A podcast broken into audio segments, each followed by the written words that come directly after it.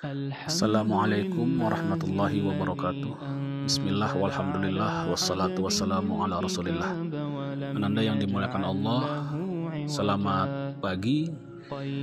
Semoga Allah limpahkan keberkahan pagi untuk kita semua. Jangan lupa untuk senantiasa berdoa.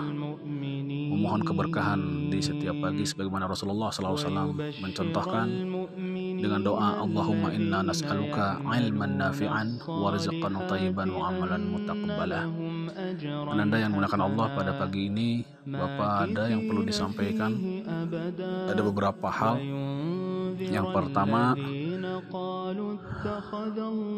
mengingatkan diri Bapak dan diri Ananda semua bahwa kita telah memasuki pertengahan dari Ramadan dan kita telah meninggalkan hari-hari yang luar biasa yang penuh berkah setiap detik dan menitnya yang ya, sangat kita sesali bahwa kita tidak memaksimalkan hari-hari itu.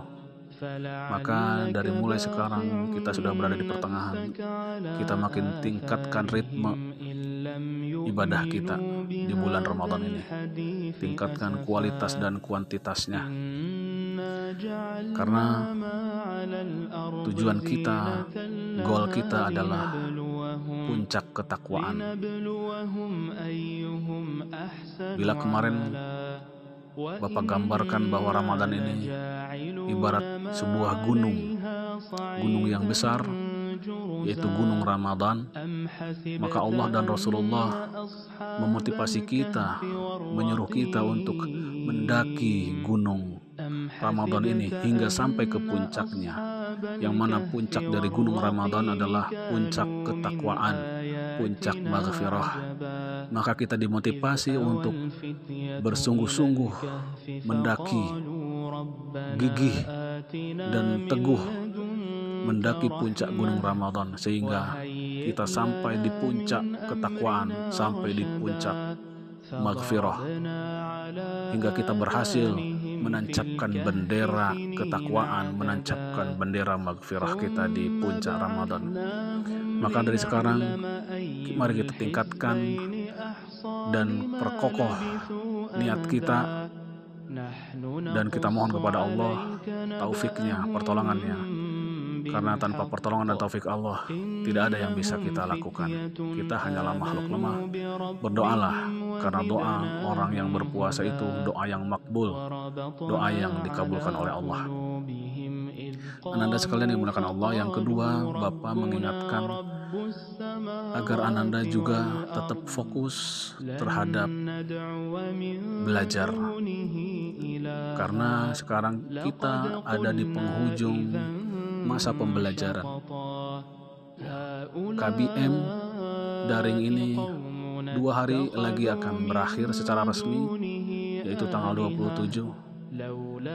Maka selanjutnya Ananda agar mempersiapkan benar-benar segala sesuatu untuk menghadapi ujian. Maka mulai Ananda list di data masing-masing setiap mata pelajaran jangan sampai ada yang tertinggal. Jangan sampai ada yang ulangannya tidak mengikuti atau belum ada nilai tugas atau ulangan atau absensinya masih tertinggal. Maka segera berbenah, perbaiki ya, berkomunikasi dengan guru-gurunya, eh, meminta kebijaksanaannya supaya Ananda bisa diberikan solusi supaya bisa mengejar ketertinggalan absensi ataupun bisa mengejar ketertinggalan nilai di tugas atau ulangan. Tetap semangat, insya Allah para guru, para ustadz akan senang membantu Ananda. Karena tujuan dari para guru, para ustadz adalah hanyalah untuk Ananda berhasil, tidak ada yang lain, tidak dan bukan untuk dirinya, tapi untuk Ananda sebagai generasi pelanjut para guru, para ustadz itu sendiri. Ananda yang dimuliakan Allah, silahkan Ananda mulai list, daftarkan, didaftar uh, semua mata pelajaran umum atau agama, mulai di list dan lengkapi kekurangannya di sisa waktu uh, dari sekarang hingga menjelang ujian. Nah ujian insya Allah akan dilaksanakan pada tanggal 24 Mei. Jadi jarak dari sekarang sampai 24 Mei itu adalah waktu kita untuk menjalin komunikasi instan intens ya dengan para guru, para ustadz untuk melengkapi kekurangan. Ingat uh, bahwa masa depan Ananda, Ananda sendiri yang menentukan. Para guru, para ustadz, begitupun orang tua Ananda hanyalah memfasilitasi dan mensupport. Bila diri kita sendiri tidak ada semangat, malas, maka tidak ada yang bisa membantu Ananda. Bagaimana mungkin para ustadz, para guru bisa memberikan nilai, sementara tidak ada yang bisa ditulis di situ. Absensi tidak ada atau uh, sering tidak masuk, bolos, nilai tugas tidak ada, ujian tidak ikut. Bagaimana mungkin? Apakah kita siap dengan resiko bahwa kita tidak naik kelas? Itu harus difikirkan benar-benar. Kita tidak boleh bergantung dengan belas kasihan, dengan kemurahan dari orang. Kalau kita sendiri tidak menghargai diri sendiri, tidak bermurah hati dengan diri sendiri, ya itu hukum timbal balik. Siapa yang menanam, dia yang akan menuai. Bersikap teguhlah, keraslah dengan diri sendiri. Ya, disiplinlah dengan diri sendiri. Karena hidup ini hanya untuk orang yang teguh dan disiplin, orang yang keras dengan dirinya, orang yang terbiasa lunak, lemah dengan dirinya, dan hanya mengharapkan support dari orang, belas kasihan dari orang, dia tidak akan jadi siapa apa-apa. Bahkan dia akan menjadi beban di kehidupan di sekitarnya, beban untuk orang tua, beban untuk saudara, beban untuk lingkungan. Ya, bayangkan kalau mental seperti itu nanti di masyarakat kita tidak akan menjadi apa-apa tidak akan bisa bersaing. Ya, masih ada waktu, tetap semangat. Dan yang ketiga, Bapak ingatkan untuk tahfiz Ananda yang ketinggalan dan yang belum selesai. Masih ada waktu dan Bapak uh, berharap Ananda semua memanfaatkan betul-betul setiap waktu di bulan suci ini untuk berinteraksi intens dengan Al-Quran dan terutama untuk tahfidz ya banyak waktu. Uh, silakan setiap hari setiap saat untuk uh, menghafal dan menyetorkannya. ya masih banyak uh, ada sekitar 40% yang jauh ketinggalan. khawatir tidak selesai dan kalau tidak selesai mohon maaf. Mau nggak mau Bapak akan sampaikan kepada orang tua Ananda bahwa Ananda tidak bisa untuk uh, apa namanya yang melanjutkan ke level selanjutnya karena tahfidz ini prasyarat untuk kenaikan kelas. Ya begitulah peraturan di pondok. Maka supaya bisa mengajar tahfidz nanti ananda harus mengikuti karantina ya sekitar beberapa minggu dan itu atas biaya orang tua. Silakan ananda tetap semangat jangan berkecil hati waktunya masih panjang ya dalam waktu uh, dua tiga minggu ini Bapak yakin Ananda bisa mengejar karena apa? Karena Al-Quran itu menghafal Al-Quran itu tidak dibatasi oleh ruang dan waktu hakikatnya. Karena apa? Karena banyak orang yang menghafal Al-Quran itu tidak bisa di, distandarisasi bahwa menghafal satu apa satu halaman itu harus berapa jam berapa menit? Tidak bisa. ada yang susah menghafal dan ada yang mudah. karena apa? Itu Allah sendiri yang menentukan. Allah lah yang memudahkan Allah yang menitipkan. maka caranya yang paling mudah untuk menghafal adalah yang pertama berdoa dulu sebelum menghafal. Minta sama Allah ya Allah titipkanlah ayat-ayat sucimu di dadaku. Milikilah niat baik dan berdoa pada Allah. Insya Allah, Allah akan menitipkan kepada orang yang tepat. Ya, begitu Ananda uh, semangat pagi ini, tetap uh, ikuti KBM dan seperti Bapak ingatkan tadi, mulai menata, menulis mata pelajaran dan mulai sekarang uh, berusaha untuk uh, rajin ya, belajar, ikuti semuanya. Oh dan satu lagi Ananda itu kemarin dua hari kemarin Bapak share PDF mengenai PDF uh, mengenai kegiatan Ramadan. Artinya Ananda uh, setelah libur ini mulai tanggal 27 kegiatan hariannya yang biasa Ananda isi di laporan harian dialihkan ke form itu. Ananda isi dan di print dulu kemudian diisi manual. ya ikuti setiap itemnya. Di situ ada mengikuti apa namanya kultum dan sebagainya. Se bagaimana hal halnya apa pesantren Ramadan Ananda ikuti dan orang tua mengetahui. itu adalah bahan kami pembina untuk uh, mengevaluasi Ananda bisa naik ke level selanjutnya di kelas berikutnya atau tidak. Ya. Baik itu Ananda, tetap semangat. Semoga Allah memudahkan urusan kita semua dan melimpahkan berkah untuk kita semua. Barakallahu fikum wa ilaikum. Assalamualaikum warahmatullahi wabarakatuh.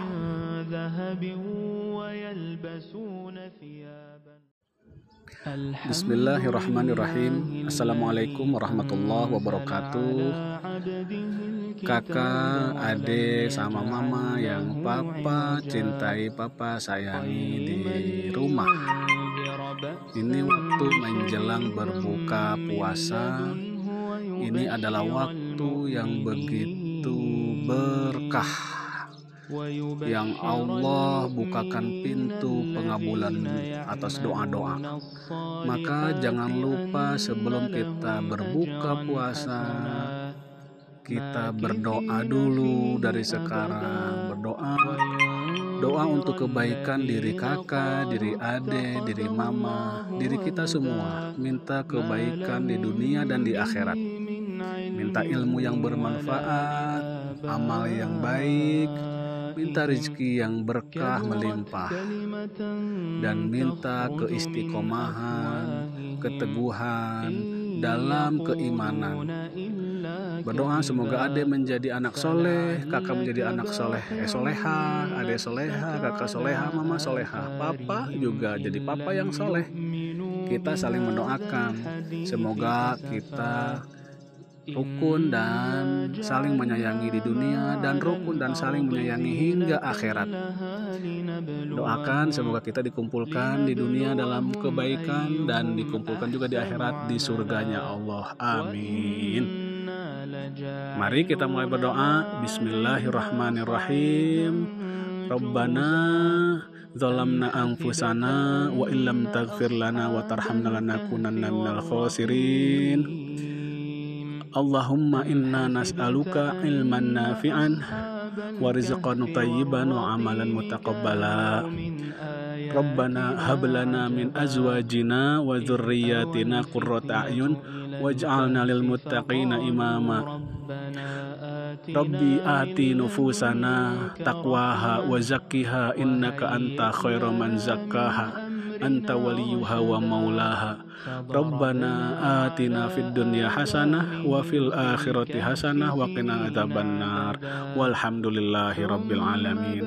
Wassalamualaikum warahmatullahi wabarakatuh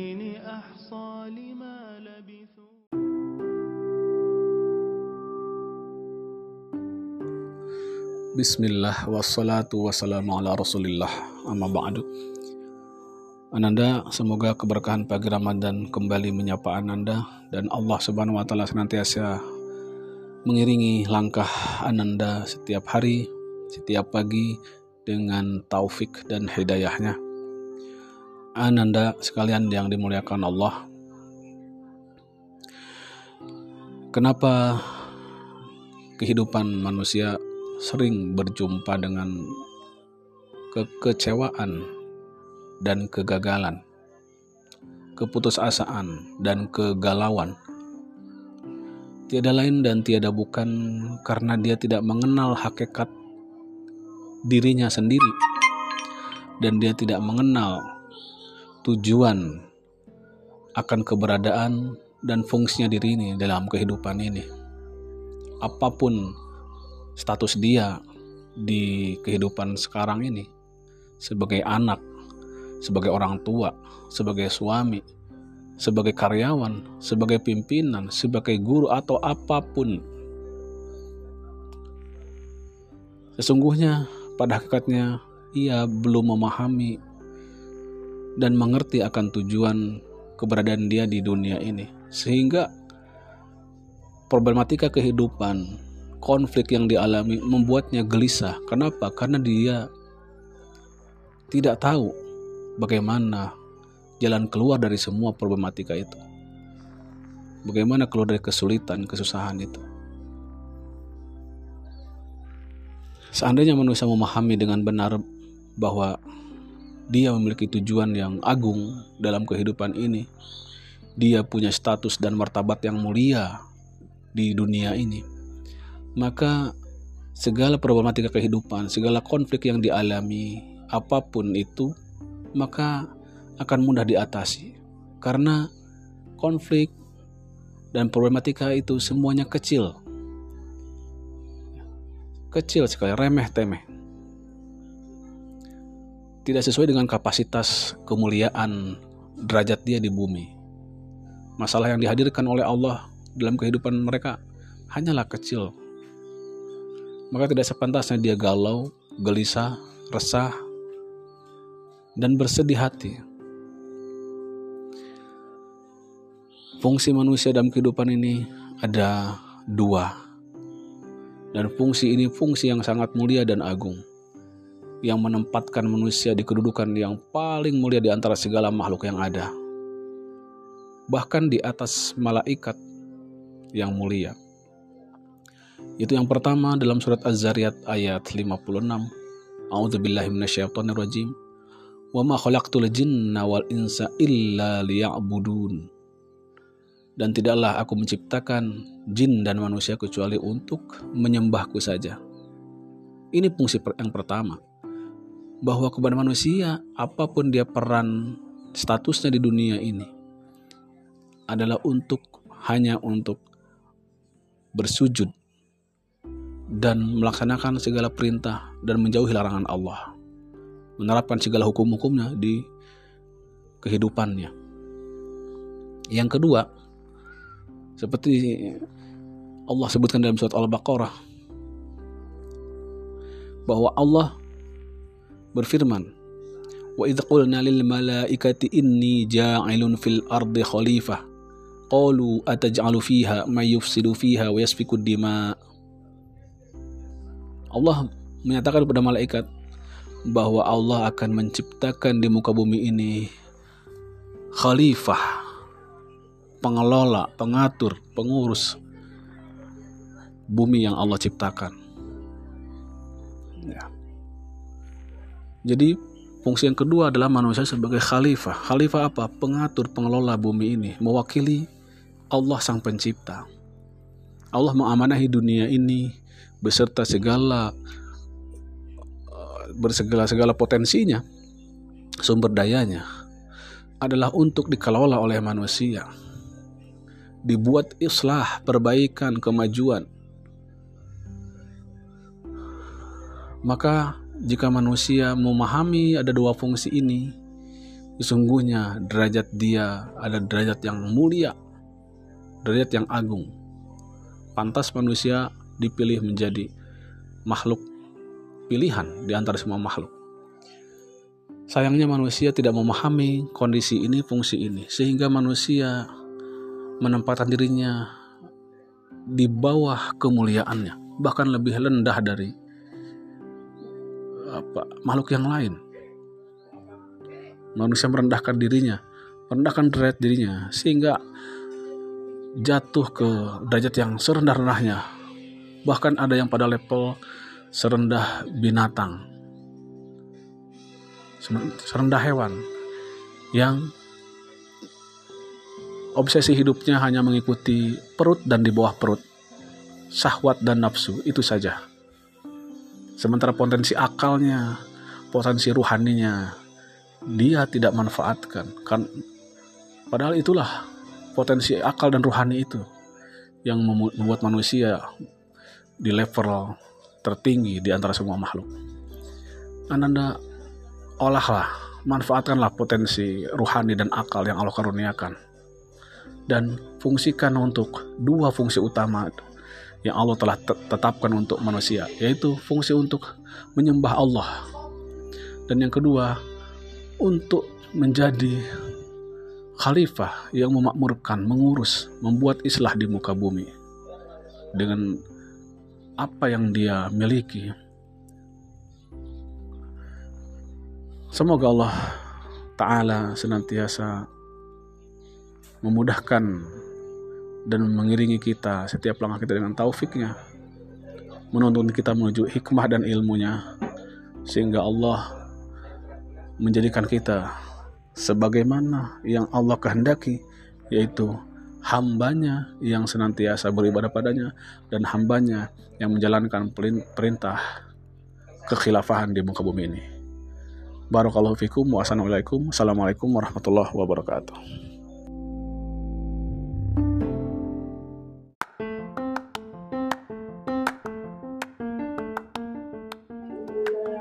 Jadi kita kakak akan menceritakan kelanjutan kisah Nabi Musa episode 2 episode 2 The Moses. Nah, coba cerita. Nah, kemarin sampai mana lo kakak lupa sih? Nyampe dianya pulang sama Nabi Musa kecil, tapi biasanya sama bidadari lagi di Istana.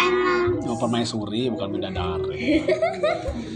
Jadi akhirnya Ya, ibunya Nabi Musa ketemu lagi dengan anaknya tercinta yaitu Nabi Musa.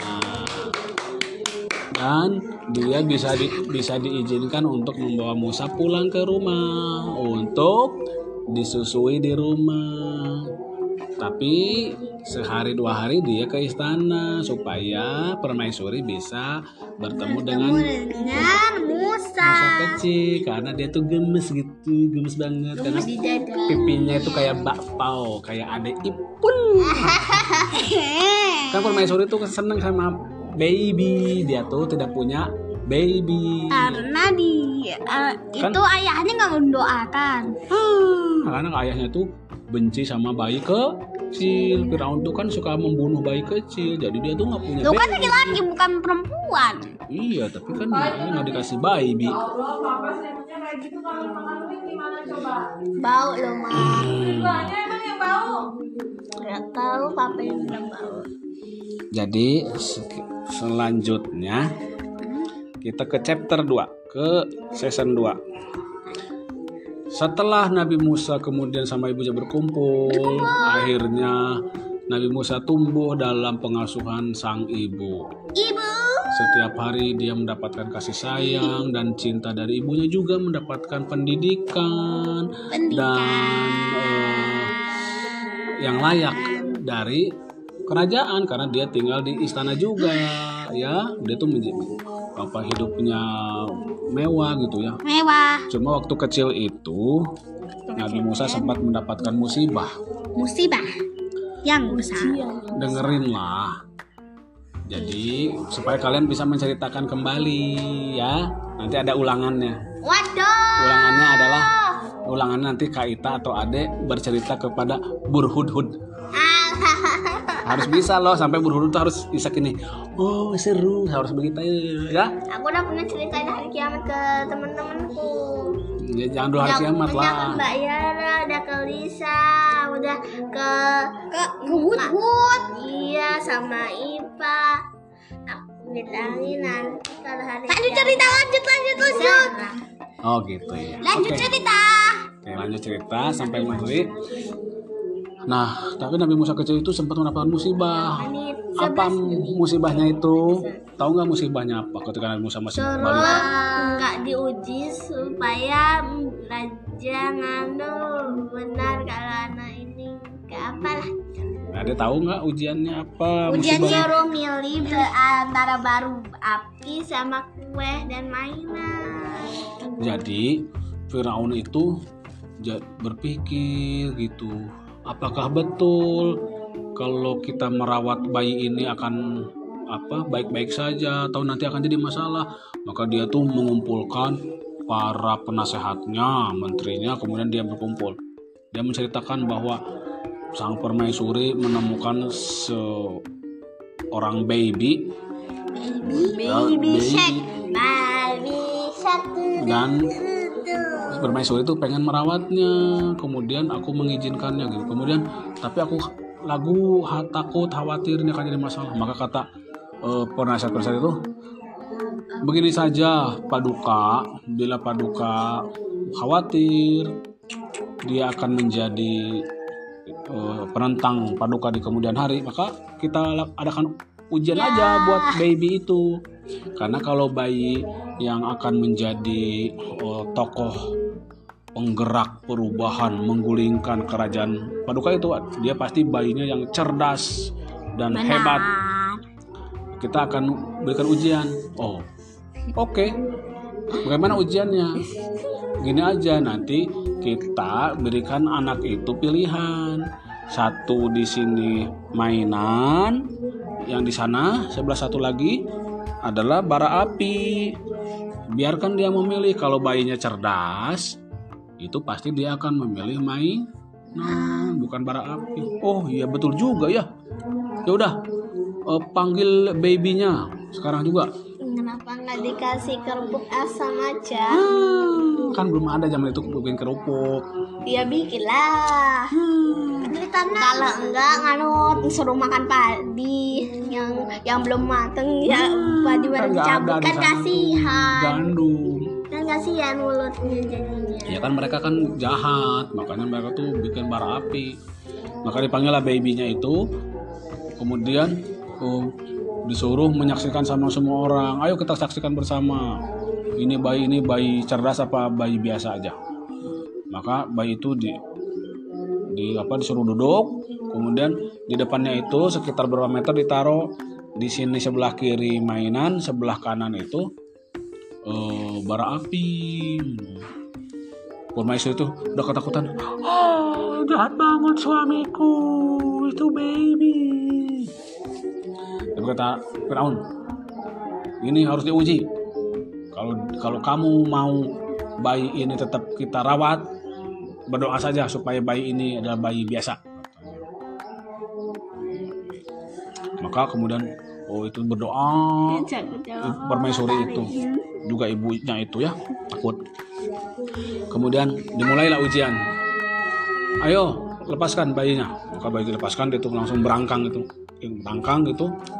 Setelah berangkang dia tuh sebenarnya bayi itu mau mengambil main nah dia tuh senang sama mainan tahu tuh tapi sama Allah itu dipalingkan diarahkan ke bara api supaya dia nggak ketahuan itu bayi pintar bayi Musa. Sama Allah tuh disuruh diarahkan ke situ. Kan lidahnya Maka Nabi Musa itu tiba-tiba udah mau mendekati mainan. Kata kata itu kata Firaun tuh siap-siap bunuh dia kata. Tapi Nabi Musa itu langsung berbelok jadi ke arah bara api langsung. Ah, langsung diambil bara api langsung dimakan. Langsung wah wah wah panas berapinya. Orang ketawa semuanya ha itu nyepo Fir'aun sama oh, apa penasihat-penasihat itu. Wah itu bayi yang bodoh itu berarti bukan itu paduka nggak apa-apa itu perawat aja. Langsung Fir'aunnya langsung dibawa eh, Fir'aunnya. Ah notong dulu ayam. Supaya